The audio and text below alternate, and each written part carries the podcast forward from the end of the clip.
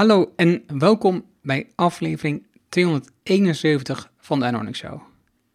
Waar je leert van ondernemers en ondernemende mensen die bijzondere resultaten bereiken, welke beslissing genomen hebben om hier te komen, wat ze doen, de strategie en hoe ze klanten krijgen. Mijn naam is Arno Hanning en ik deel mijn opgedane kennis, ervaringen en expertise met jou. Ik coach ondernemers zodat ze stap voor stap de juiste beslissingen nemen om uiteindelijk een gezonde groeimotor te creëren, zodat de onderneming vanzelf loopt. Hiervoor gebruik ik mijn ervaring met meer dan duizend klanten die met exact dezelfde uitdaging zitten. Vandaag het gesprek met Milan van Brugge. Milan is geen typisch ondernemer. Niet leven voor je werk, maar werken om te leven. Dat hebben Milan en zijn kampioens vertaald naar een bedrijfscultuur waarbij de 9 tot 5 mentaliteit essentieel is. Samen met twee mede-eigenaren runt Milan het internetmaakbureau Pixel Pillow, dat websites en applicaties ontwerpt en bouwt voor de business-to-business markt. Alle producten die ze maken worden samen met de daadwerkelijke eindgebruiker ontwikkeld. Ooit zelf begonnen als ontwerper, maar nu vooral actief met marketing, sales en accountmanagement. Milan vertelt over de impact van de vrije school op zijn beslissingen en de eerste werkervaring. Het einde van zijn studie betekende ook het einde van zijn eerste bedrijf. Als stagiair bleef hij hangen bij het bedrijf waar hij leerde ontwerpen in de praktijk. Het ontbreken van duidelijk leiderschap in het bedrijf was de aanleiding om toch weer ondernemer te worden. Eerst alleen, maar al snel met een partner. We hebben het over zijn reis en keuzes en het belang van cultuur voor zijn huidig bedrijf. Veel plezier met de inzichten van Milan. Laten we beginnen. Welkom in de Erno Hamming Show. De podcast waarin je leert over de beslissingen om te groeien als ondernemer met je bedrijf. Luister naar de persoonlijke verhalen van succesvolle ondernemers en ondernemende mensen. Dan nu jouw business coach Erno Hamming. Welkom in de podcast Milan. Dankjewel. We zitten tegenover elkaar, maar niet heus. Met de camera's tegenover elkaar. Jij zit in Zwolle, ik zit in Doetinchem. Klopt. En in dit geval was dat iets makkelijker vanwege de tijd. Ehm, we gaan het hebben over keuzes maken. We gaan het hebben over jouw ondernemerschap.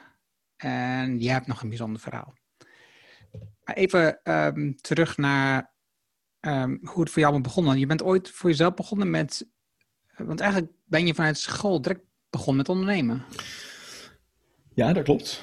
Ik, eh, ik ben eigenlijk zelfs, eh, nou ja, echt letterlijk vanuit mijn school. Eh, ik weet nog mijn eerste website, hè, want dat is wat ik toch primair doe, websites al heel lang.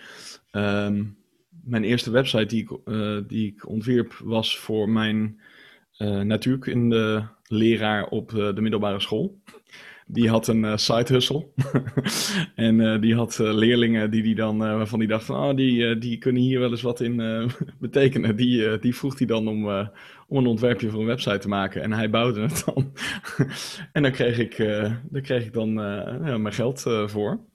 En eigenlijk, eh, ehm, ja, dat deed ik altijd hobbymatig al, websites bouwen. En op een gegeven moment vanuit mijn studie ben ik met een andere ehm, studiegenoot ben ik, eh, ben ik een bedrijfje gestart. Ehm, dat heette toen nog Promote Media, heel grappig. En eh, ja, daar maakten we eh, Mambo-websites, wat, wat nu Joomla is. Ehm, en tijdens mijn studie in Enschede, kunst en techniek, ben ik eigenlijk stage gaan lopen bij Clockwork, een internetbureau in Zwolle. Ehm, en, eh, en daar ben ik eigenlijk blijven plakken. En in 2012, of in 2011 moet ik zeggen, ben ik voor mezelf begonnen als, eh, als freelancer. En in 2012 kwam ik eh Gert-Jan tegen, mijn, ook nu nog mijn compagnon. Ehm, en wij, wij zijn uiteindelijk samen in begin 2013 eh Pixel Pillow gestart.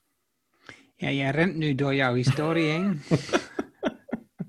Goeie samenvatting, toch? Ja. Maar dat, eh, dat gaan we nog even ehm, een klein beetje eh, analyseren, of mensen in ieder geval eh, doorheen lopen. Heel goed. Want ehm, jij hebt eerst de HAVO gedaan. Ja. En ben toen naar de Saxion gegaan. Dus, maar er zat een soort, tenminste, wat ik daarvan zie, er zit een soort gat tussen. Ja, klopt. Dat heb je goed gezien. ik, heb, ik heb nog een jaartje iets zonder digitale middelen gedaan.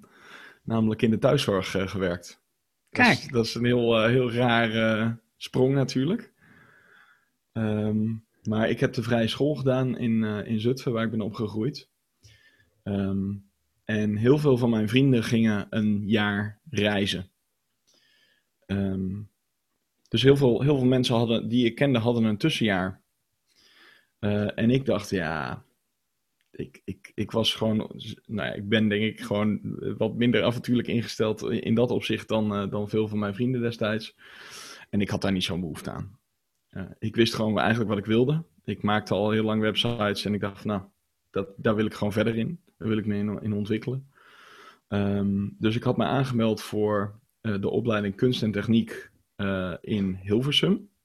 Zo'n soort eh, mediaopleiding. Eh, alleen daar had je een toelating. En daar had ik iets eh, te makkelijk over gedacht. Blijkt achteraf. Eh, want daar werd ik niet toegelaten. Dus toen dacht ik, oeps, nou heb ik een jaar eh, ja, waarin ik een plan had wat niet doorgaat. Ehm, en toen had een andere vriend had dat ook. En toen zeiden we van, nou laten we eens kijken wat we, wat we dan kunnen doen. En toen kon je voor 3 euro per uur in de kas gaan staan. Of je kon voor 12 euro per uur bij oude mensen schoonmaken. En, Maar, want je, je had een toelating bij, bij die opleiding. Ja. Maar moest je dan een toets doen of zo? Was het dan? Ja, het was meer een soort eh, een opdracht en daar gingen ze je op beoordelen, want er waren gewoon altijd meer, structureel meer aanmeldingen voor die opleiding dan plaats. Dus ze hadden bedacht dat ze daar een soort eh, eh, toelatingsopdracht voor gingen doen. Dus je moest een concept bedenken. Nou, dat had ik, ik heb er op zich niet van, makkelijk van afgemaakt, alleen eh, ja, het was gewoon niet, niet- blijkbaar niet voldoende. Ehm, ja, dus, dus toen zat ik een jaar zonder die opleiding. En ehm, wat, is wat je nu nog steeds gebruikt, wat je hebt geleerd in de thuiszorg? Ja, dat is een goede vraag. Ehm, nou, eh, eh, eh, nou, respect voor ouderen had ik altijd al, want ik ben, ben door mijn moeder en oma opgevoed. Ehm, dus, dus dat was er altijd al wel.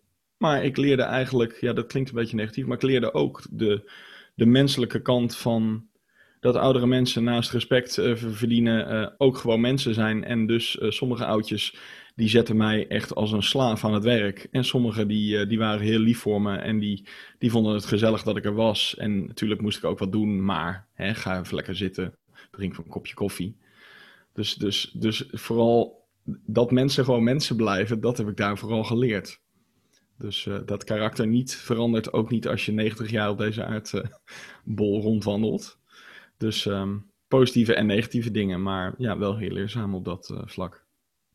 Ik, ik denk zelfs dat als je wat ouder wordt, dat het karakter wat je hebt dus nog versterkt, omdat je alleen de kernpunten over Ja, dat denk ik inmiddels ook. ja, dat wist ik toen nog niet, maar ja, dat denk ik ook. Ja, eh, onze dochter, mijn dochter, die, ehm, eh, die, die zit in, in de verpleging en die heeft eh, in de stage en ook in de werkzaamheden omheen eh, in de thuiszorg gewerkt. Ja. En, ehm, en dan hoor je wel, eh, wat jij zegt, bijzondere verhalen. Ja, ik heb echt eh, eh, een, een flat, ja, honderden, hoe noem je dat, spijltjes. Of, in ieder geval van, van zo'n van zo'n reling. Het was een appartement langs de IJssel. Mensen hadden geld genoeg. Ja, daar, daar werd ik echt, en dat, dat liet ik toen ook allemaal gebeuren. Ik vond het allemaal best. Ik dacht, ja, ik ben hier. Ja, maar jij bent ook nog jong. Ja, ik, was, ja, ik had wel vrij school gedaan. Dus ik was denk ik al wel 19 of 20. Oké. Iets, iets ouder als je eraf komt. Ja. Eh, maar goed, ik bedoel, het, het was, eh, ik, ik heb het eigenlijk, eh, ik vond het eigenlijk best leuk. Ja, ik bedoel, het, alles heeft voor- en nadelen. In mijn huidige werk moet ik, moet ik vaak heel, heel veel nadenken. Politiek en strategie zijn, zijn onderdelen die soms veel energie kosten. Ja, dat was gewoon op een fietsje stappen of in de auto ergens naartoe. En ik wist wat ik moest doen en ik wist hoe lang het duurde. Ja, het was ook wel overzichtelijk. Ja. Maar wat is er zo anders dan een vrije school? Ehm, wat heeft het jou opgeleverd? Ja, ik, ik, ik sprak laatst iemand die ehm, mij via LinkedIn had uitgekozen uit, op een bericht waar ik op had gereageerd. En die had echt gefilterd op dat ik de vrije school had gedaan. Toen werd ik daar eigenlijk weer mee geconfronteerd. Want uh, het is gewoon een, een, onderdeel van wie ik ben en het is uh, hoe ik ben opgevoed en opgegroeid. Uh, maar ik heb er nooit heel bewust zelf over nagedacht. Maar, maar hij gaf wel aan van, ja, mensen die op de vrije school zitten staan er een beetje onbekend dat ze A, niet zo goed zijn in Nederlands. Want de focus op de exacte vakken is, is wat minder groot dan het, het gevoel. En dat is ook wat, wat je wel vaker hoort over de vrije school. En dat mensen, hij zei op een gegeven moment, ja, ja mensen op de vrije school die kunnen natuurlijk geen keuzes maken. Dat is, want je, alles is een optie. Je, je staat heel agnostisch in het leven, zeg maar. En toen dacht ik, oh, gek. Herkenbaar. Dus, dus, dus het heeft me natuurlijk gevormd. Um, maar ik ben daar zelf nooit zo heel bewust mee bezig uh, geweest. Dingen die echt anders zijn op een vrije school dan op een reguliere school is uh, bijvoorbeeld dat je heel erg al in een vroeg vroeg stadium in je leven aan wordt geconfronteerd met je, je ik. Wie ben jij? Nou, dat vind ik op zich wel heel positief. En je hebt bijvoorbeeld in de, ja, de elfde klas is dat uh, op de vrije school. Um, ik zit even te denken. Is dat, dat is twee jaar voor je eindexamen. Heb je de Parsifal-periode. Um, en daar ga je bijvoorbeeld ja, een heleboel dingen aan jezelf ontdekken. Maar een van de dingen die mij daarin is bijgebleven is dat je bijvoorbeeld uh, een nacht uh, in het bos gaat door, doorbrengen. In je eentje, maar wel, je bent daar met je hele klas en je ligt 100 meter van elkaar of zo. Maar je ligt in, in principe lig je in je eentje op een plekje in het bos. Ja, dat soort dingen. Ja, dat is natuurlijk tamelijk ongebruikelijk voor, uh, voor, on, voor andere onderwijsinstellingen. dus dat, dat zijn dingen die wel mooi zijn aan de vrije school. Maar het was dus wel een inzicht voor je, of in ieder geval een realisatie dat je wat meer moeite hebt om keuzes te maken. Ja, dat werd bevestigd door dat gesprek wat ik uh, recent voerde met iemand die daar ja, wel, wel wat meer over had nagedacht. ja, dat, en dat, dat klopt wel. Daar ben ik, word ik ook steeds beter in. Je ontwikkelt jezelf gelukkig nog een beetje. Maar, uh, maar in essentie sta ik altijd voor heel veel dingen open. Ik denk, ja, dat kan of dat kan. Ja, waarom niet? En de vrije school, eh, heb ik dat dan goed vertaald, zoals je net zegt, klas 11, is dat dan dat de basisschool en de voortgezet onderwijs gewoon in elkaar overloopt? Middelbaar onderwijs is dat? Ja, je hebt uh, um, wat volgens mij de, de brugklas is in, in normaal onderwijs. Dat, dat zit nog op de onderbouw, hè, de, de lagere school. Uh, van, dus je zit een, een, jaar, een jaartje langer op de, op de lagere school. En je gaat, uh, um, ja, je hebt dan op een gegeven moment de achtste klas. En dat is zeg maar de, eigenlijk de brugklas van de vrije school. Het, het, zijn wel gewoon twee verschillende scholen, twee verschillende gebouwen, die onderbouw hmm. en bovenbouw. Uh, tenminste, in Zutphen waar ik uh, zat, waar een soort van vrijschoolbolwerk uh, is. er reisden kinderen van Almelo naar, naar Zutphen om daar op de vrijschool te kunnen zitten. Bij van. Dus, maar dat, ja, dat is. het zijn wel twee verschillende. Je hebt echt de onderbouw en de, en, de, en de bovenbouw, zoals ze dat dan noemen. Maar goed, wat ik zei, ik heb nooit. Uh, ik, ik ben me ervan bewust dat het echt wel anders is dan heel veel andere kinderen hebben. Ja, aan schoolperiode hebben ervaren. Maar ik heb het, ik heb het ook weer nooit heel bewust. Uh, ja, het was gewoon mijn school. Ja. Het was zoals het was. Ja. Dus de school was waar je voor um, de toelating was, dat was in Hilversum? Ja. Maar laten bij daar niet naartoe gegaan? Nee, ik dacht, dat gebeurt me niet nog een keer. nee, dus dan ga je eh, naar de Saxion? Ja. Ja, dat was eigenlijk uh, de, de, de, dezelfde opleiding. Daar waren er twee van uh, en volgens mij nog steeds van in Nederland. tegenwoordig heb je ook de, de CMD's in, in ieder geval Leeuwarden, weet ik. maar dit, deze opleiding heet kunsttechniek. en die had je ook in, in Enschede. En, en daar had je of geen toelating of een minder strenge, dacht ik. Um, ja, volgens mij was, die, was er wel een toelating, maar die was minder streng. Uh, en, en dat heb ik gedaan. En uh, nou, uiteindelijk heel blij om. En waarom koos je voor kunst en techniek? Omdat ik uh, niet kon kiezen. het, wordt een, wordt een thema, ben ik bang. Ja, ik denk het ook. Shit, hij, heeft het gevonden. Uh, nee, ja, dat, dat, was, dat was wel een beetje om die reden. Nou, het, het was ook om de reden dat dat een beetje... Ja, zoals je nu, als je iets met media, online media wil doen... je ook naar een CMD-opleiding vaak gaat. wat, is, wat is CMD? Oh, sorry, dat is... Um... Oh, dan moet ik even goed nadenken. Mm -hmm, media en design. Ik ben even vergeten waar de C voor staat. Ik zou zeggen computer, maar dat is... Nee, dat is niet. Nee. Nee, weet ik even niet. Maar in ieder geval een, een, een me- mediaopleiding, even in de Ja. breedste zin van het woord. En kunst en techniek eh, eh, was gewoon de, de eerste eh, in die eh, lijn van opleidingen die, die, die bestond. Ehm, ja, en wat ik al zei, ik was eh, vanaf, eh, vanuit, eh, vanuit school was ik al bezig met websites maken. En ik, eh, ik was gewoon helemaal, ja, ik vond dat gewoon erg leuk. En toen dacht ik, ja, weet je, eh, daar wil ik gewoon mijn werk eh, van maken als het enigszins mogelijk is. Dus ik ga die opleiding doen. En wa- wa- hoe groot is het aandeel kunst dan in die opleiding? Ja, volgens mij is de, de naam. Het is niet, je, je hoeft je er niet bij voor te stellen, net als bij een kunstacademie, dat, het, eh, dat je echt met kwasten eh, in de weer bent. Dus dat niet. Ehm, maar het idee volgens mij achter de naam is dat ze niet heel specifiek iemand opleiden voor eh, een hele specifieke richting. Dus geen video of alleen maar web of alleen maar audio of nou, wat er nog meer is. Eh, maar mensen die gewoon heel erg breed georiënteerd zijn vanuit hun opleiding, zodat ze in hun latere werk ook de brug kunnen slaan eh, tussen verschillende disciplines. Mhm. Eh, en, en ja, volgens mij is kunst en techniek daar een, een naam waarbij die twee uitersten geprobeerd in één naam gestopt, eh, of in één naam gevat zijn, om dat samen te vatten, zeg maar. Ja. En je had het over, je liep dan stage bij Ordina. Ja. En, ehm, maar dat is een jaar. Toch? Als ik het goed heb Eh, gezien. nee, nee, nee, nee. Die ben ik in 2006. Ja, dat was Clockwork, een internetbureau. En dat was onderdeel van Ordina. Maar het kan zijn dat je op mijn eh, Ah, LinkedIn hebt zo. gezien dat op een gegeven moment werd Clockwork eh, werd gewoon onderdeel van Ordina.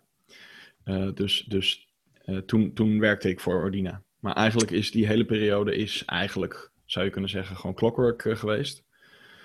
Want ook toen ik begon bij Clockwork, ehm, eh, toen was het al onderdeel van Ordina, alleen later hebben ze dat nog verder geformaliseerd en eh, werkte ik ook echt voor Ordina.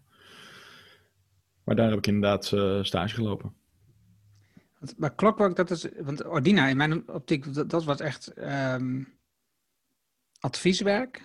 Ja, IT, echt IT-consultancy en, en Ja. gewoon, gewoon ook echt implementatie en, en dat soort zaken. Maar Clockwork was een bureau, toch? Ja, het is echt een internetbureau. Dus ehm, Ja. Ja, een van de, van de opgericht ooit door eh, Prins Bernhard van, eh, van Oranje junior. Nou, en naast de, de, de, de- voor denk ik veel mensen wat bekendere namen als eh, Lost Boys bijvoorbeeld. Bijvoorbeeld, dat is echt een wat meer sexy merk in de, in de, in de internetbureauwereld. Eh, maar het, is eigenlijk, eh, ja, dat waren, dat waren een beetje de, de grotere bureaus. Ehm, dus begonnen in Amsterdam en onder de vlag van Ordina ook vestigingen eh, van andere internetbureaus samengevoegd bij Clockwork. Eh, op een gegeven moment het bureau waar. eh, ik ben gewoon begonnen bij Clockwork, dus ik heb zeg maar, de voorloper niet meegemaakt. Maar voor Clockwork was het bureau in Zwolle heette Insight Devote. En in Groningen was ook nog een vestiging en dat was de Missing Link. Ehm, en dat werd allemaal omgedoopt tot Clockwork. Dus we hadden drie vestigingen in Amsterdam, Zwolle en Groningen. Jij zat in Zwolle. Ja. Ja, ja. En wat daar trouwens, nu, nu we het zo hebben over dat, eh, die bruggenbouwersfunctie vanuit die opleiding. eh, dat was een van de dingen die ik ook terugkreeg bij mijn afstuderen. Dat ehm, ik reed constant op en neer tussen, eh, eh, eh, tussen Groningen en Amsterdam. Eh, bijna als een soort mediator om die projecten een beetje aan elkaar te knopen. Omdat die mensen uit Amsterdam en Groningen, die wilden eigenlijk helemaal niet met elkaar samenwerken. Dat was eh, totaal, ja, dat is ook ergens wel te begrijpen.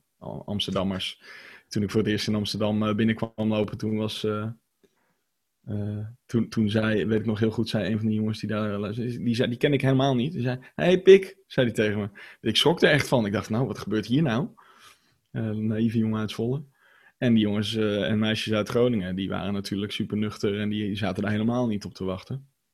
Dus dat was, dat was ook wel een hele nuttige ervaring om daar zo tussenin te zitten, letterlijk en figuurlijk. Ja, ja. Grappig. Ja. Je hebt een eigen bedrijf wat je samen met eh, een studiegenoot doet. Je bouwt websites, onder andere voor FC Twente, voor de gemeente Doetinchem, waar ik dan woon. ehm, met een, met een CMS-systeem. En toch ga je dan ergens werken. Ja. Wat is, wat is dan daar de aanzet toe? Waarom, waarom besluit je om te stoppen met je bedrijf? Nou, sowieso uh, was het eigenlijk uh, voor Michiel, heette die, die compagnon in dat bedrijf. Um, en ik, wij konden het heel goed vinden en het was echt een geweldige ervaring. Maar het was wel voor ons beiden, denk ik, duidelijk dat dat echt iets voor de studie was. Hij wilde daarna naar Amsterdam. Ik had daar eigenlijk juist geen behoefte aan. Um, dus wij hadden allebei wel in de gaten dat dat een eindig verhaal was. Uh, en ik wilde ook gewoon de, de, de het grotere bureau uh, opzoeken om gewoon daar ervaring op te doen. Nou, mijn stage uh, begon in 2006 en dat was voor mij een, een uitgelezen kans om eens rond te kijken bij de wat grotere bureaus. En zodoende kwam ik, kwam ik daar terecht en, en nam ik dus de, de, beslissing om, om dat bedrijf wat ik tijdens mijn studie had niet voor te zetten. Hoe kom je dan als een soort studiebedrijf slash hobbybedrijf bij FC Twente met de gemeente Doetinchem? Uh, ja, dat is eigenlijk heel simpel. Uh, wij hadden een partner um, die eigenlijk heel veel van ons werk binnenhaalde. Um, en zij huurden ons in. En volgens mij drukten ze de helft van, van of deden ze ons tarief keer twee. En dat was dan wat zij eraan overhielden. Dus dat was natuurlijk voor hun ook prima business. En voor ons, volgens mij verdiende ik in die tijd met het bedrijf 45 euro per uur. Nou, dat is als student ja, daar ging ik graag even een avondje uh, voor aan het werk. Als ik dan de volgende avond uh, gezellig in de kroeg dat weer kon uitgeven. Dus, dus dat, was, dat vond ik een goede deal. En dat vond mijn compagnon ook. Dus dat was een beetje wat we deden. En, en FC Twente kwamen we binnen omdat um, mijn compagnon Michiel die, had, die werkte bij Trim, wat nu nog steeds een bekend internetbureau is uit Enschede. Um, en hij, hij werkte daar als supportmedewerker, gewoon als, uh, als bijbaantje in de avontuur. Dat deed hij al voordat wij een bedrijf begonnen. En eigenlijk op het moment dat wij dat bedrijf begonnen en dat wat serieuzere vormen aan uh, begon te nemen, toen, toen, toen zei hij tegen zijn werkgever, uh, daar, daar, was wat capaciteit ontbrak daar. En die website moest, moest, moest gemaakt worden, moest gefrontend worden. En toen zei hij, ja, wij, wij, hebben een bedrijf en Milan kan goed frontenden, dus dat willen wij ook wel doen. Ja, dus toen zat ik daar en toen uh, was het toch iets uitdagend. Ja, goed, ja, dat is een beetje, dat, uh, ja, dat was de, de ingang om daar uh, mee aan de slag te gaan. Het is toch gaaf, dat soort projecten, dat je ja. daar gewoon dat soort sites bouwt en meewerkt. Ja. en staat grappig op je cv, maar het is ook gewoon een mooie ervaring. Dat, ja. je, dat je een achterkant van zo'n bedrijf ziet en snapt wat ze van plan zijn met hun online uitingen en zo. Ja. ja, en het was ook heel leuk omdat ik sowieso Stream een geweldig bedrijf. Uh, nou, wij, wij hechten, ik, wij bij Pixpillow, waar ik nu een bureau heb, hechten heel veel waarde aan, aan bedrijfscultuur. Um, nou, dat zat daar echt vanaf het begin al heel erg goed. Dat, dat kon je aan alles voelen. Je kwam daar, ik bedoel, ik ben in mijn latere carrière ook wel eens bij bedrijven binnen geweest. En dan, dan wist je gewoon dat jij de, de huurling was, zeg maar. Soms, mensen kunnen je gewoon dat gevoel geven. Dat is gewoon bedrijfscultuur. En daar had ik gelijk, ik ging zitten. Um, ik was er ook heel vroeg en ik ging heel laat weg, want ik was student en ik had toch niks anders te doen. Dus ik was gewoon super dedicated uh, daar met die opdracht bezig. Dus dat vonden mensen natuurlijk ook mooi. Maar het was, men, ja, je werd, uh, werd daar gewoon als, als een van de nieuwe collega's verwelkomd. En dat, ja, dat was echt heel leuk en heel leerzaam. Ja, ja. dat snap ik. Heb je, heb je voor jezelf want ik kan me wel voorstellen dat er een verschil zit tussen um, een organisatie als FC Twente en bijvoorbeeld een gemeente. Ja. Heb je voor jezelf daar voorkeurstype klanten op gedaan? Of in, of in het werk bij Clockwork? Um, nou, dat, die, die, die smaak, zeg maar, die heeft zich vooral ontwikkeld uh, bij, uh, bij Pixelpillow.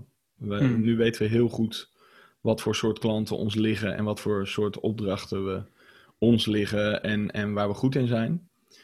Ja, met, in die tijd uh, pakte je natuurlijk gewoon in principe gewoon op wat, wat op je pad kwam. Uh, ja, dat, ging, dat varieerde ook echt van, uh, van, van video's maken tot websites bouwen. En dat ging alle kanten op. Um, en, en bij Clockwork was ik, begon ik in 2006 met een stage als ontwerper. Um, en, en daar kreeg ik heel snel, volgens mij echt na twee maanden, al een contract aangeboden als ontwerper om gewoon door te werken. Ehm, dus daar heb ik echt vooral heel veel ontwerpopdrachten gedaan. Voor, voor Wekamp, Wekamp.nl heb ik daar uh, ooit in 2008, dat is inmiddels alweer heel lang geleden, maar dat was toen een, eh, een, een grote klant waarvoor ik toen een, eh, een redesign heb gedaan. Maar ook de Voice of Holland, Stalpa en KPN. En er waren de super gaaf klanten om, om allemaal projecten voor te draaien. Maar dat deed ik dus allemaal als ontwerper. Um, en dat was dus veel, veel meer gescoopt dan wat ik daarvoor deed als, voor mezelf als student. Je had het net over uh, trim en het belang van cultuur en ook voor mij dan clockwork. clockwork. Wat, is, wat, wat, zijn, wat is bijvoorbeeld een onderscheidend element van trim en van clockwork wat betreft cultuur, waarvan je zegt, maar dat, dat, dat, dat viel me op en dat is wat ik ook graag wil behouden. Ja, van trim is me dat eerlijk gezegd, ondanks dat ik daar dus niet in dienst ben geweest en, en relatief kort heb gezeten, is, heeft dat veel meer indruk op me gemaakt. Dat kan zijn omdat ik natuurlijk toen wat jonger was. Um, maar en wat was dat dan wat de indruk maakte? De, de inclusiviteit. Gewoon puur gewoon, mens, het maakte mensen, mensen hadden geen, geen oordeel over je dat je maar een studentje was. Um, ze dachten, nou, ze zullen hem hier wel met een reden hebben neergezet. Hij zal wel wat kunnen. Uh, en zelfs op het moment dat, uh, dat, ik, uh, dat ik vragen had en het even niet wist, dan kon ik het ook gewoon vragen. Terwijl als mensen je aankijken als zijnde van oké, okay, jij bent die gast die, die hier komt zitten en het komt fixen, nou dan, dan doe je dat ook maar even. En wij zitten hier, jij zit daar. Ja, dan voelt dat toch anders. Um, en dan, als je dan met een probleem zit of zo, dan ga je dat denk ik ook minder snel bespreken met die mensen. Omdat je gewoon denkt, nou laat ik dit zelf maar fixen, anders dan word ik met de nek aangekeken. Dus, dus het feit dat, ze, dat het inclusief was, dat, je, dat ze gastvrij waren. Dat zijn wel dingen die, waar ik heel veel, zelf ook heel veel waarde aan hecht.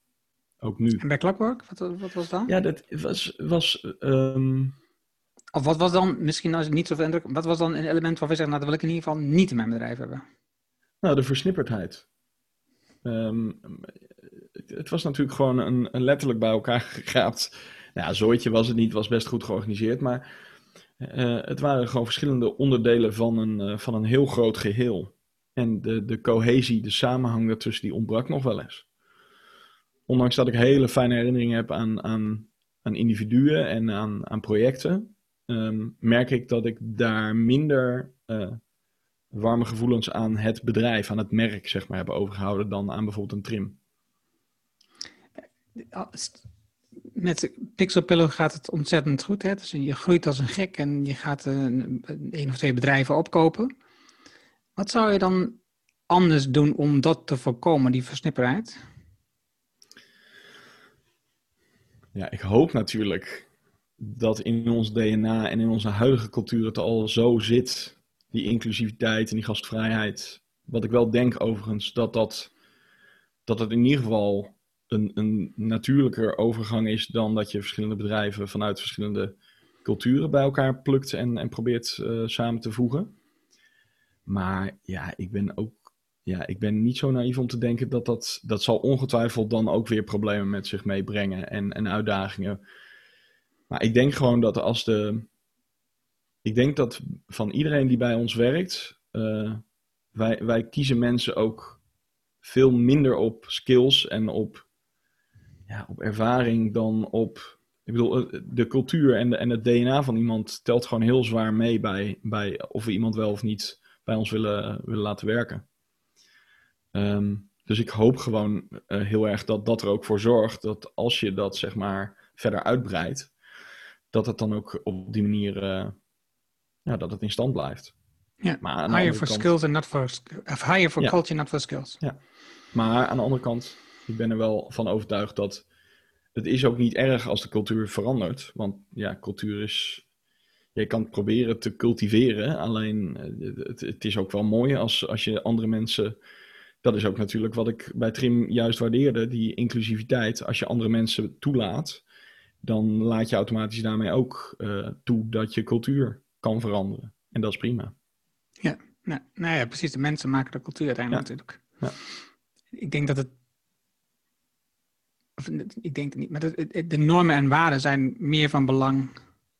Als je de mensen aanneemt dezelfde normen en waarden, dat, en, en, ondanks dat ze dan verschillend zijn qua persoonlijkheid, dat vormt samen de cultuur. Ja, exact. Ja. ja. Ehm, je bent ook nog een tijdje bezig geweest met affiliate marketing in die tijd dat je op bij Clockwork zat. Klopt, ja. Wat, wat, wat deed je dan vooral? Uh, ja, uh, ik heb ooit nog uh, echt helemaal in de begintijd, ook met diezelfde compagnon van Promote Media, heb ik echt nog in de, de ja, van die, van die telefoonabonnementjes, daar had ik later wel een beetje spijt van, want dat was natuurlijk, ja, ik stel terug, niet helemaal zuivere koffie. Um, en ik weet nog dat ik daarmee bezig was. En dat, dat stelde niet zo heel veel voor. Maar ik weet nog dat op een gegeven moment ik bij mijn schoonouders was. Uh, daar was ik, denk ik, twee, drie jaar liep ik daar rond. Um, en ik weet nog dat mijn, mijn schoonmoeder zei: Ja, ik heb zo raar. Ik heb de hele tijd mijn bel het goed op. En, uh, en ik wist natuurlijk precies hoe dat kwam, want ik verkocht dat soort rotzooi via Philip Marketing. Uh, en dat was dat ze gewoon een, uh, niet zich ervan bewust was dat ze een, een soort abonnementje had, dat ze een beltoon had gekocht, maar dat het eigenlijk een abonnement was. Dus de beltegoed was de hele top. Dus toen moest ik, dus ik dacht, nou ik ga het toch maar zeggen. En toen, toen, toen, toen dacht ik wel van ja, oké, misschien is dit toch niet helemaal, misschien is dit toch niet helemaal chic. Maar goed, dat is wel, ondanks um, dat dat zo was, wel heel leerzaam. En later ben ik dat uh, met een, uh, een vriend die ik, uh, die ik ook nog van de vrije school ken, um, die ook ondernemer is, zijn we dat soort projecten gewoon zo af en toe is gewoon als hobby gaan opzetten. dus nu zijn we bijvoorbeeld, draaien we af en toe een, een campagne op zorgverzekering aan het einde van het jaar. En dan gaan we kijken of we daar, of we daar commissies kunnen, kunnen krijgen over, over mensen die we dan bij een bepaalde zorgverzekeraar aanbrengen. Maar het, is eigenlijk meer het spel. Dus het is, uh, um, het is meer dat ik het gewoon heel interessant vind om te weten hoe het werkt. Zodat ik ook als ik met iemand spreek en die wil weten wat de mogelijkheden zijn van affiliate marketing, dat ik dan niet gewoon maar een beetje loop um, nou ja, te, te, blaten over wat het zou kunnen zijn. Maar dat ik ook echt weet wat het is en hoe het werkt. En um, dus dat doe ik ook eigenlijk bijna niet. Dat is echt, echt heel hobbymatig. Ja, ja. Oké, dan, dan begin je bridged. Ja. En um, als ik het goed begreep, is dat ook het moment dat je gaat werken met WordPress? Um, bridged was de naam voor uh, het bedrijf waarmee ik startte toen ik voor mezelf begon. Dus het was na Clockwork. En eigenlijk begon ik met WordPress te werken toen ik nog bij Clockwork werkte. Want uh, de, hè, waar wij elkaar van kennen, van, uh, van WordCamp, uh, daar heb ik toen een, uh, een, presentatie gegeven over het gebruik van WordPress voor de Voice Volent, voor Talpa. Um, en dat was helemaal gebaseerd op, uh, op WordPress. Um, en, en dat was eigenlijk, en daarvoor werkte ik er natuurlijk al, al wel wat mee. Want, en toen heb ik bij Clockwork heb ik dat eigenlijk geïntroduceerd en gezegd van ja, volgens mij moeten we hier eens naar kijken. Want het is super handig qua contentbeheer, werkt heel overzichtelijk en en dat was uh, al die, toch vooral dames die contentredactie deden bij Talpa. Uh, die hadden allemaal een, een eigen blogje en die wisten precies hoe WordPress werkte. Dus dat was een hele makkelijke overgang. En dat was eigenlijk de eerste contact voor mij met, uh, met WordPress. En, en is daarmee voor jou Joomla ook beëindigd? Was ja. het ook. Voor jou was het verschil tussen WordPress en Joomla dus daarom dat je volledig koos voor, voor WordPress? Ja, ja, ik was helemaal klaar met uh, Joomla. Ik werd helemaal gek wat, van... Uh... Wat was het waar, waar, waar het verschil in zit voor jou? Ja, de, de gebruikservaring. Dus uh, ja, je, je, in WordPress voelde het allemaal gewoon een stuk logischer aan. Um, en en in, uh, ja, in, in het, het, Joomla en, en het was gewoon vreselijk technisch. Je kon gewoon aan alles merken dat het technisch was opgezet met modules en componenten. Ja, ik zou nu nog steeds niet weten. Uh, ik moest ook altijd zoeken wat nou precies wat was. Ik, ik werd er gek van. Dus, dus toen WordPress voorbij kwam, toen dacht ik, hè daar, daar kunnen we kaas van maken. Maar ook vooral, uh, kijk, ik kwam er wel uit, want ik, ik had die technische achtergrond. Maar ik werd er ook gek van dat mijn klanten, dat ik dat elke keer moest verkopen. Dat was natuurlijk wat ik uiteindelijk het meest vervelend vond. A, omdat ik van nature lui ben en dus elke keer die klant aan de lijn had en weer moest uitleggen, moest uitleggen hoe het werkte. Maar B, omdat het gewoon voor die klanten ook niet een hele fijne ervaring was. Dus ik verkocht ook iets wat, wat niet een heel goed resultaat opleverde op die manier. Dus, uh, ja, ik, ik herken me. Ik, had, ja. ik, had, ik heb met Joomla wat geëxperimenteerd in het begin. En uh, ook met Drupal. En, en ik vond beide gewoon, gewoon ingewikkelde pakketten. Zeker in vergelijking met WordPress. Terwijl toen ik met WordPress begon, was, was het ook in één aan elkaar gerammelde ja, ja, ja, bak, zeg maar. Dus ja. het is zo anders als het nu is. Oké, okay, nu zijn jullie um, Pixelpillen begonnen in 2013. Ja. Is dat is dat dat je Bridge hebt ingebracht? Is dat dat je Bridge, ben je dat gestopt en ben je, hoe, hoe is die overgang gegaan? Um, Gert-Jan en ik zijn het uh, in 2013 begonnen en wij hebben eigenlijk, uh, wij zagen zoveel toegevoegde waarde in, in elkaars, ja, wij, ik bedoel, Gert-Jan is, is echt een, een, ja, nog steeds een van de beste ontwerpers die ik, die ik ken. ondanks dat hij natuurlijk nu ook wat meer in de, de, de, de directeursrol moet, uh, moet zitten af en toe. Maar hij is nog steeds en vindt het ook nog vreselijk leuk. Um, en ik had uh, andere skills, uh, vooral aan de voorkant. ook vanuit ontwerp, maar dan meer het, het interactie- en marketingstuk. En ook nog wat verder aan de voorkant echt marketing-sales. Um, en dat versterkte elkaar gewoon ontzettend. En dat zagen wij allebei. En toen zeiden we ook van ja, weet je, we gaan gewoon all in. Alles gaat gewoon, we gooien alles op één hoop. Dus we hebben alle, alle alles gewoon ingebracht in, uh, in Pixelpillow.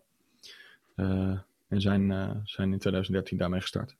Ik realiseer dat ik eigenlijk nog één vraag heb overgeslagen. Oh, en dat ja. is, want waarom ben je uiteindelijk vanuit Clockwork voor jezelf begonnen? Wat, is, wat was de reden dat je bent gestopt bij Clockwork? Nou, ten eerste omdat ik uh, het schip een beetje zag zinken. Zij werkte heel erg voor, uh, nou sowieso uh, eigenlijk daarvoor nog leiderschap. Um, het was er wel, alleen ik, uh, ik, ik vond gewoon niet dat het de goede kant op ging. Um, ik wilde daar gewoon niet, niet, niet verder mee aan boord uh, als het op die manier ging.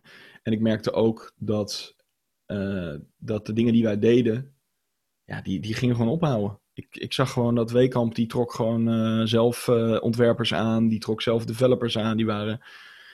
Ja, dat, dat, dat was ook op het moment dat dat, dat ging spelen. Ja, een half jaar later uh, zei Weekamp ook van... Uh, jongens, hartstikke bedankt voor, voor, voor de afgelopen tien jaar... maar we gaan het echt wel nu zelf doen. En volledig terecht ook hoor. Ik bedoel, dat, ze, ze, ze waren eigenlijk gek dat ze niet eerder deden, als je me nu vraagt. Mm. Um, en, en dat was dus gewoon ook eindig. Dus het was ook... ja, ik dacht ook van ja, dit... Als, als het dan Hè, ook een beetje de eer aan jezelf houden. Als je dan toch al denkt van dit, dit gaat niet heel lang meer uh, goed. En je wil al eigenlijk, je hebt latent al een tijdje de behoefte om voor jezelf te beginnen. Wat op dat moment zo was. Ja, toen dacht ik dan ga ik het nu gewoon doen.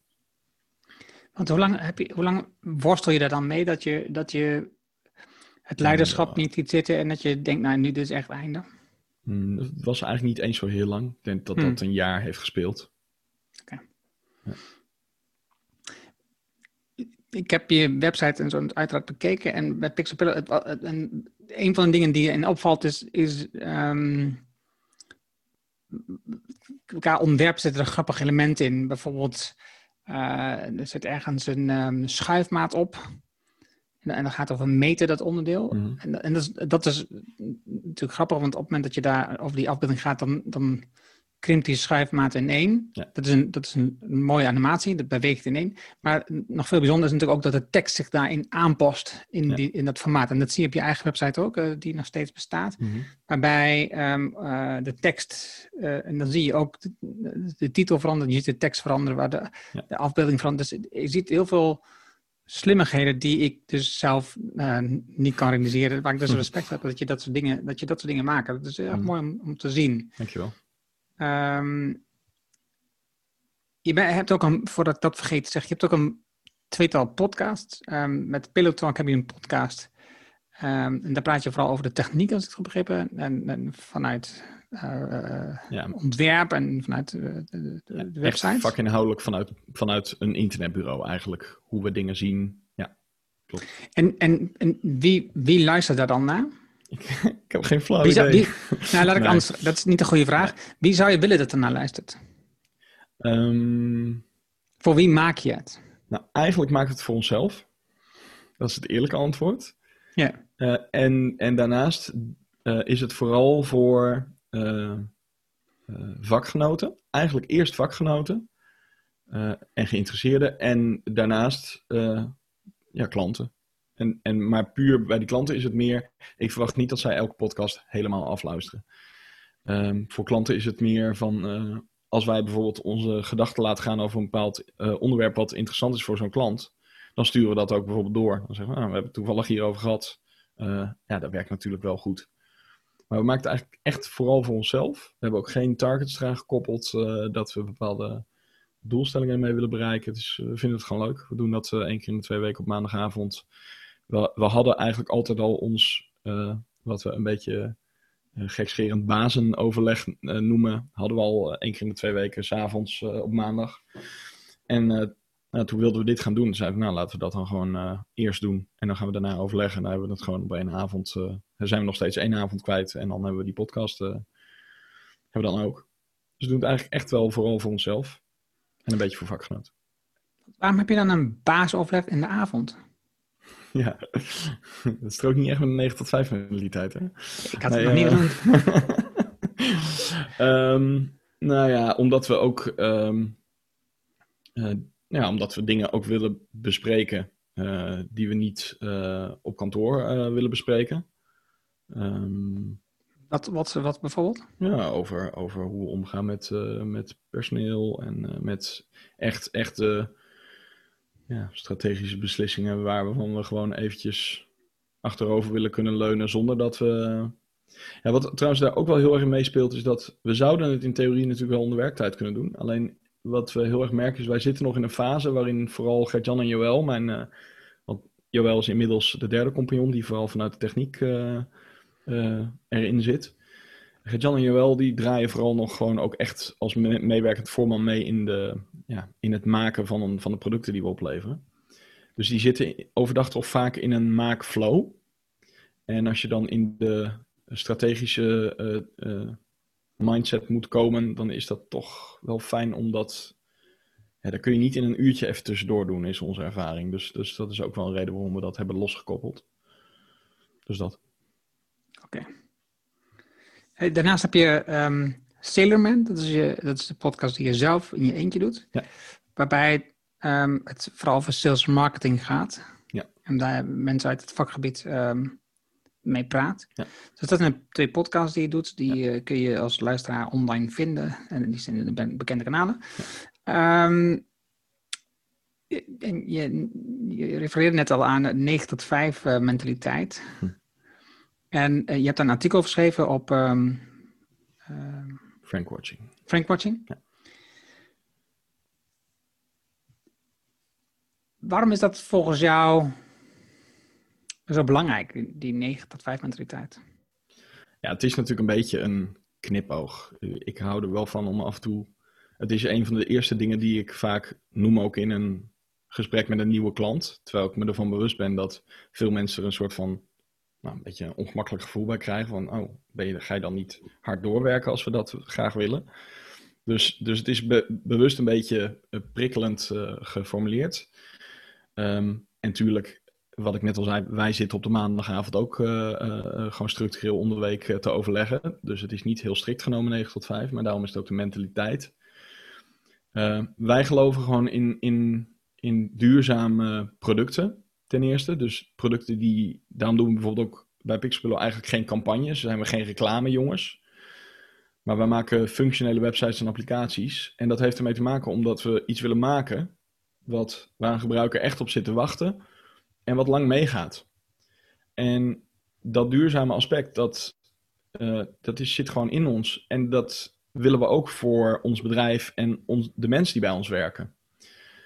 Uh, dus wij zitten er helemaal niet op te wachten dat mensen constant moeten vlammen, moeten pieken. Want dan weet je helemaal in deze tijd, met alle prikkels om je heen, uh, dat je een keer opbrandt. Uh, en wij vinden dat het onze verantwoordelijkheid is, ook als werkgever, om, om mensen daar ook nou, te faciliteren in een, in een fijne, rustige werkdag. Waarin ze gewoon hun dingen die ze op hun planning hebben staan kunnen doen. Zonder dat ze constant uh, gestoord worden, afgeleid worden. Uh, zodat ze uiteindelijk, als ze nog even wat langer door willen gaan, die keuze zelf kunnen maken.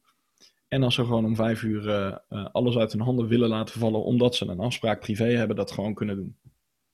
En dat, is, en dat is denk ik wat ervoor zorgt dat we ook een hele duurzame relatie met klanten en met werknemers hebben. Omdat je daar op die manier in staat. En daarom vinden we dat heel belangrijk. Is het, is het dan een 40-urige werkweek? Uh, dat, ja, dat verschilt natuurlijk per, per persoon. in principe, ja, ik werk 32 uur. Uh, in principe werken we uh, alle drie de kompions, Gert-Jan, en ik, uh, vier dagen van de vijf. zegt denk ik op zich ook wel wat. Um, nou, we doen dus wel af en toe wat in de avonduren erbij. Maar goed, laten we zeggen dat we 40 uur per week werken. Uiteindelijk. Um, maar wij sturen zover mogelijk op output. Dus als iemand een keertje om tien uur wil beginnen omdat, hij, omdat het beter uitkomt, ja, doe lekker je ding het, het zal ons echt een zorg zijn. Mm um, ja, dus het gaat echt om het resultaat. En, ja, en soms, soms halen mensen dat en ja, soms niet. Maar dat is een beetje geven nemen. Ja. In het artikel wordt ook genoemd um, de recht op onbereikbaarheid. Ik had het nog niet gehoord. Is, is dat ondertussen door deze, ja. dit artikel? Oké. Okay. Uh, ja, hoe bedoel je? Nou, dat je, dat je, dat je, dat er vastgelegd is in, oh. in het recht dat je, dat je een, een, bepaalde tijd onbereikbaar dat weet, Ik weet niet of dat er al door is. Dat weet ik niet. Okay. Maar dat maakt me ook eigenlijk in die zin niet zo heel veel uit. Want het, het, het, is voor ons is, die, is dat niet nodig om dat vast te leggen. Want het is gewoon hoe wij erin staan. Wij gaan, ja. wij gaan iemand niet uh, lastigvallen op zijn vrije dag. Uh, dat is gewoon vervelend. Ja. En ja, je noemt ook natuurlijk dat je een voorbeeld neemt aan, aan um, de mannen van Basecamp. Mm -hmm. Um, een, een, soort van een calm company mm -hmm. wilt creëren, wilt, wilt hebben. En dat, ik begrijp dat. Ik heb veel respect voor, die, voor, voor hun manier van werken en ook hun, hun um, ja, hoe, hoe ze dat delen in met de wereld vind ik ook erg mooi. Mm -hmm. Dus ik hou ook van een boek. Je noemt het boek It Doesn't Have to Be Crazy at Work. Um, maar in dat noem je ook verder nog dat je zoveel mogelijk werkt vanuit het kantoor in Zwolle. En dus zo min mogelijk thuis. Is dat, is dat in deze tijd nog steeds zo? Nee, uiteraard niet. Nee. Nee, nee het is ook niet zo dat, uh, dat we dat uh, per se willen afdwingen. Uh, dat, dat, dat dat moet. Kijk, wij, wat ik al zei, we sturen op, op output. Dus als iemand zijn dingen thuis kan doen, dan is dat ook prima. Alleen ik denk wel dat in een, hoewel we niet de reclame jongens en meisjes zijn, zitten we toch in een creatief beroep. Waarbij je soms ja, een bepaald, uh, bepaalde groepsdynamiek wil hebben om, uh, ja, om, om elkaar feedback te geven, om dingen te reviewen intern. En dat kan, dat kan via een, een Zoom-call of via wat dan ook, via het beeldscherm. Maar, en misschien kan het in de toekomst ook, ja, zijn mijn kinderen er in de toekomst helemaal aan gewend en maken ze veel mooiere, creatievere dingen dan dat ik nu kan bedenken. Dus is het helemaal misschien niet nodig. En is het vooral, ja, toch dat ik wat ouder word en uh, daar gewoon aan vastklamp. Maar ik vind het gewoon, als ik dan voor mezelf spreek, vind ik het gewoon zelf wel heel prettig om gewoon af en toe even bij die collega's uh, te zijn. En samen in zo'n proces in te kunnen stappen. Echt ook even in een. Het is toch wat makkelijker om uh, fysiek in een andere ruimte een andere mindset te pakken, vind ik. dan een knop in te drukken, een andere core in te gaan en dan een compleet andere mindset te hebben. Dat, dat is toch. Nee, niet alleen dat. Ik denk ook dat, uh, zeg maar, als je een plek hebt waar je met mensen samenwerkt, dus fysiek samen bent, um, dat geeft ook binding. En dus, ja. dus, dus deel uitmaken van netwerken van, vanuit groepen mensen, dat is gewoon iets wat ons zin geeft in het leven. Ja. Dus, dus vanuit die rol denk ik dat het ook nog steeds belangrijk is om in ieder geval een x bepaalde tijd uh, te organiseren dat je bij elkaar kunt zijn. Ja. Ja, en ik moet ook, ik weet niet of die helemaal opgaat, maar ik moet wel denken aan de uitspraak. Mijn vader zei ooit een keer tegen mij: de, de, de ziel reist met de snelheid van een paard. Um, en daar bedoelde hij natuurlijk mee dat als je met het vliegtuig op vakantie gaat, dan heb je altijd even tijd nodig om, om er te komen, zeg maar. Um, en dat heb ik ook een beetje bij dit soort dingen. Dat ik denk je, je moet toch even, even ergens uitstappen. En bijvoorbeeld als je naar een klant gaat met de auto of met de trein, dan heb je dan even tijd om met je gedachten daar, daaraan te wennen dat je iets anders gaat doen, zeg maar. En dat supersnel switchen uh, tussen digitale media, zeg maar, dat is volgens mij veel moeilijker, omdat je dan dat mist, zeg maar. Hmm. En dat, uh, dus ik denk dat het voor mij daarom om die reden altijd wel uh, een dingetje zal blijven wat ik graag zou willen behouden. Dat zou natuurlijk ook een verklaring kunnen zijn, of een deel van een verklaring kunnen zijn, dat, dus, dat, dat online ontmoeten ook, ook emotioneel um, vermoeiender is daardoor. Ja, dat denk ik wel. Dat je minder ruimte hebt om te schakelen. Ja.